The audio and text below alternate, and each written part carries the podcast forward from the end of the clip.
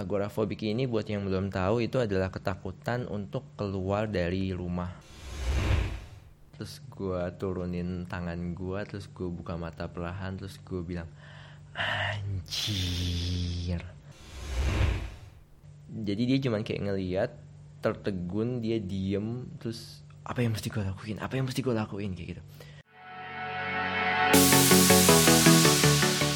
Halo, saat ini kalian sedang mendengarkan episode ke-10 dari podcast Buku Kutub. Sebuah podcast yang isinya adalah review buku semau gue. Mudah-mudahan kalian semua suka and enjoy.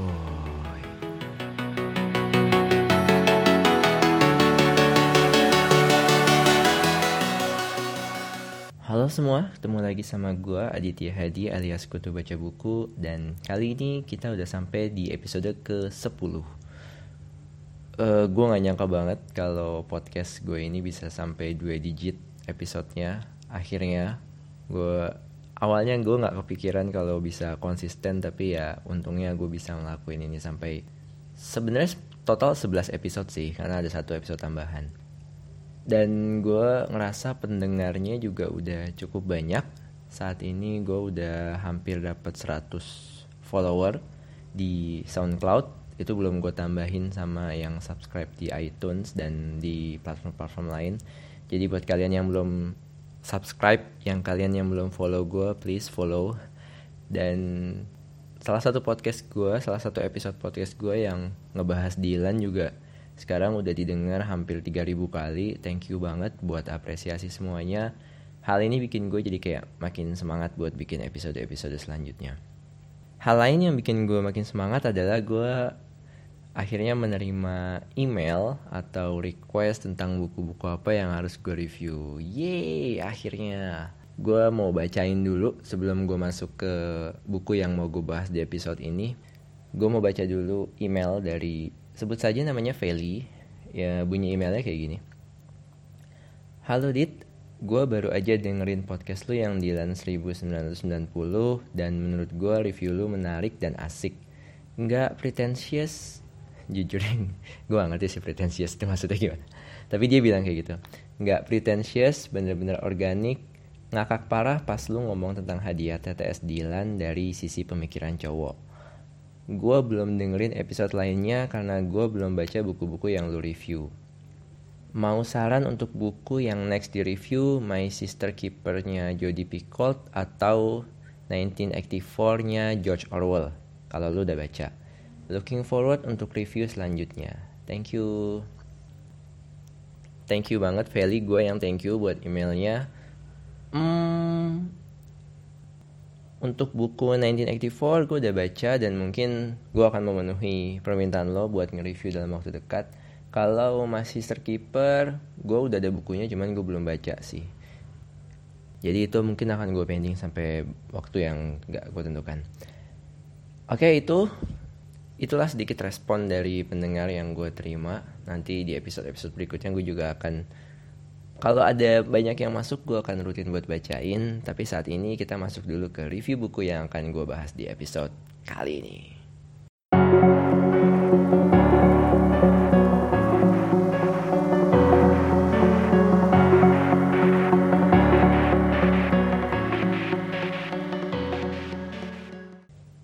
episode ke-10 ini gue mau bahas buku misteri yang judulnya The Woman in the Window karya E.J. Finn.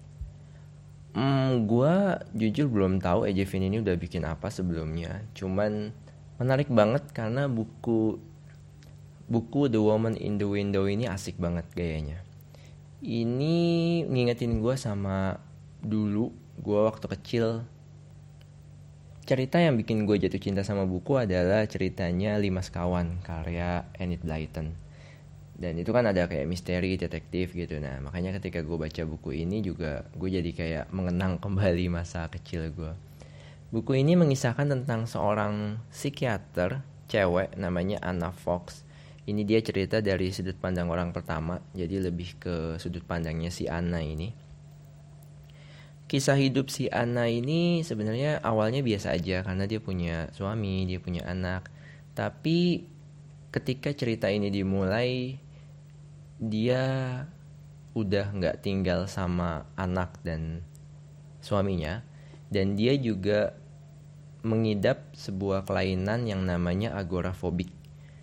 Nah, agorafobik ini buat yang belum tahu itu adalah ketakutan untuk keluar dari rumah atau tempat tinggal yang kita tempati. Jadi, Ana ini ceritanya baru mengidap agorafobik sekitar 10 bulan. Dan akhirnya selama 10 bulan terakhir itu kegiatan dia ya di rumah aja ngeliatin orang-orang di sekitar rumahnya dari balik jendela kayak gitu. Terus gimana caranya dia kayak beli makanan? Diceritain kalau dia sekarang ini karena zamannya modern dia udah bisa beli atau mesen makanan secara online. Jadi uh, yang nganterin makanan langsung nyampe ke depan rumahnya. Sampah juga gitu dia tinggal naruh di depan rumah kemudian ada yang ngambil. Terus uh, dia hidupnya gimana? Dia udah nggak hidup sama suami dan anak terus dia cara dapat duitnya gimana? Untuk dapat uang dia nyewain satu kamar di rumah itu buat seorang cowok yang namanya David.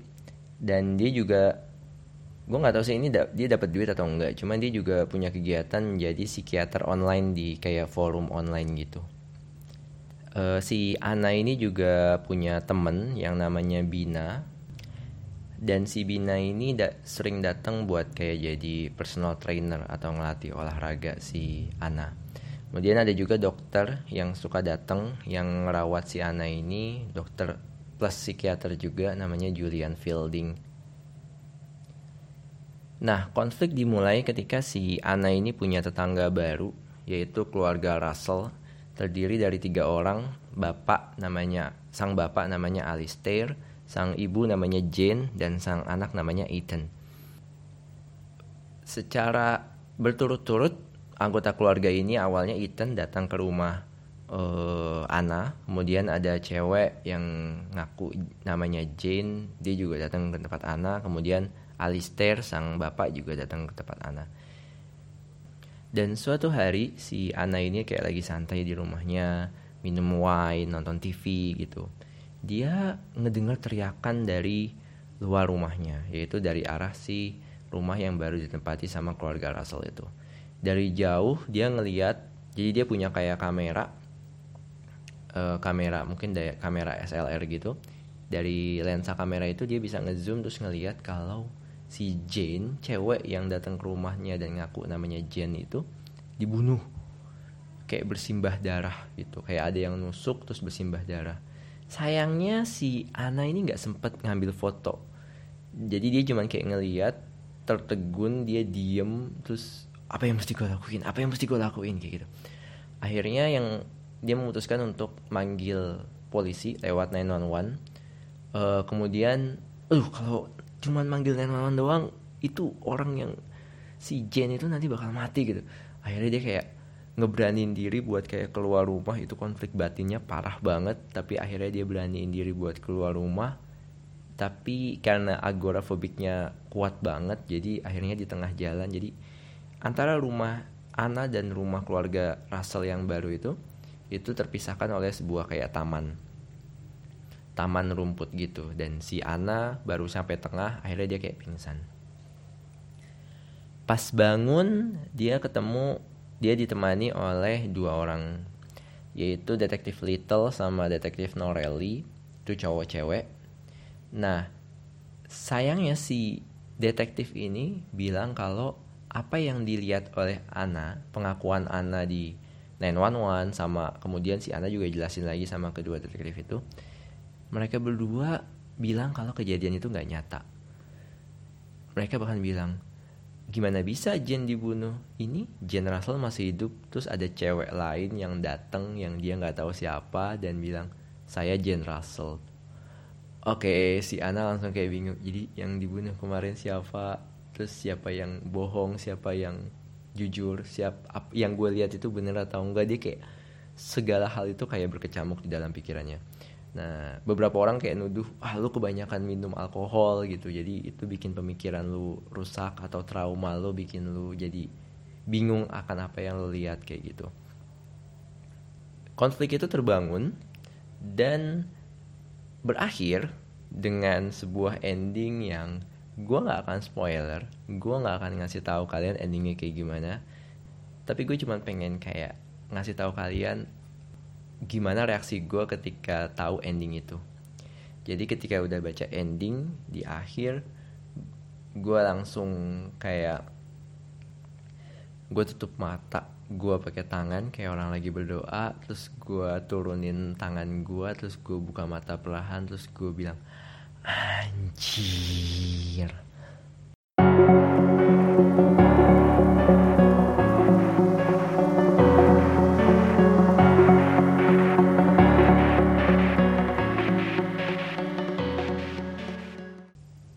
overall gue berani banget ngasih 5 bintang buat buku ini buat buku The Woman in the Window ini. Kenapa? Karena beberapa hal. Pertama uh, cara berceritanya oke okay banget.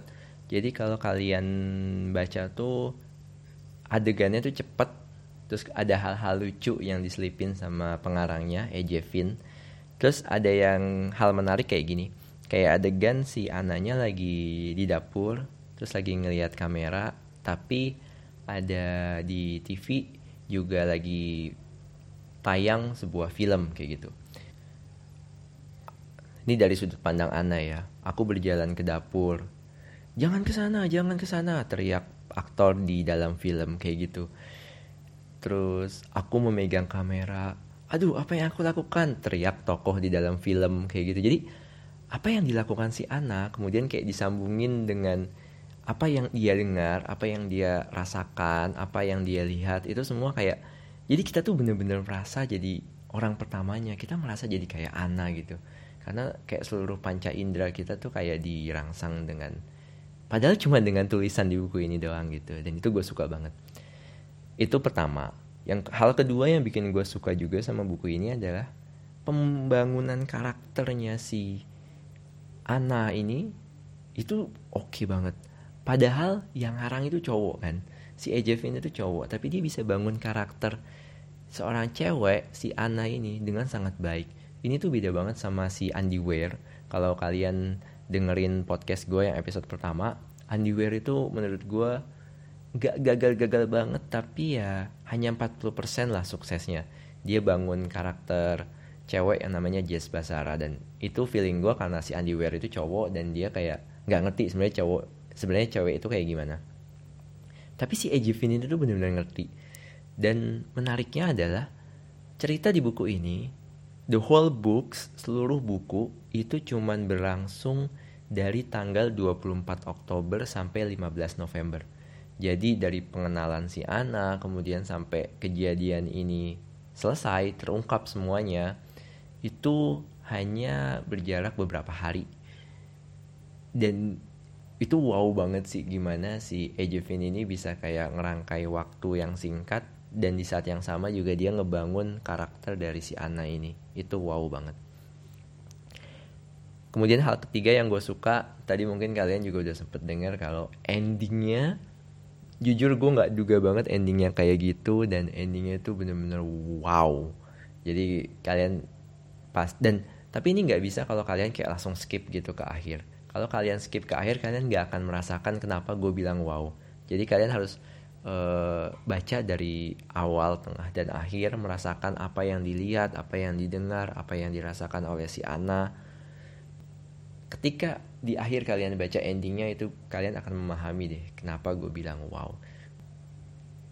Pokoknya gue rekomend banget buku ini. Buku ini kayak cepet banget jadi kalian nggak akan butuh waktu lama sih harusnya buat baca itu aja dari gue sampai ketemu di episode berikutnya. Gue belum tahu uh, next gue akan bahas apa.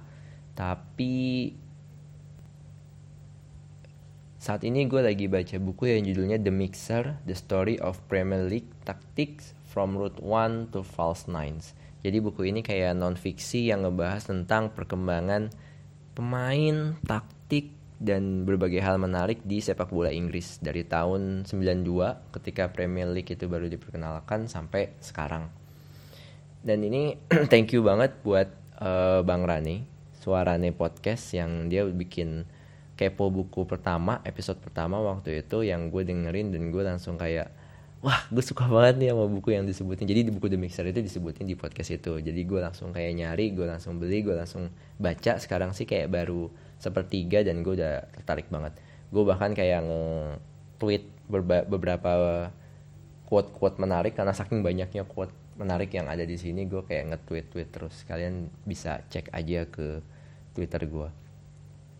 Jadi kalau kalian juga punya masukan atau suggestion, saran buku apa yang mesti gue review atau topik seperti apa yang mesti gue review yang pastinya berkaitan dengan dunia buku dan literasi, kalian bisa langsung aja kontak gue di Instagram @adityahadi, di Facebook Aditya Hadi Page, di Twitter adheet underscore ya atau lewat email kayak si Feli tadi di aditya.hadi@gmail.com.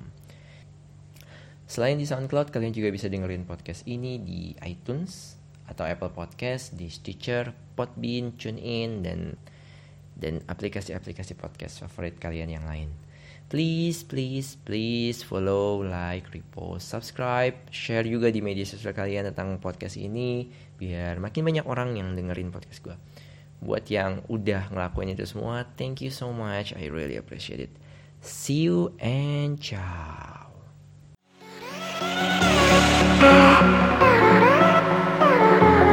Oh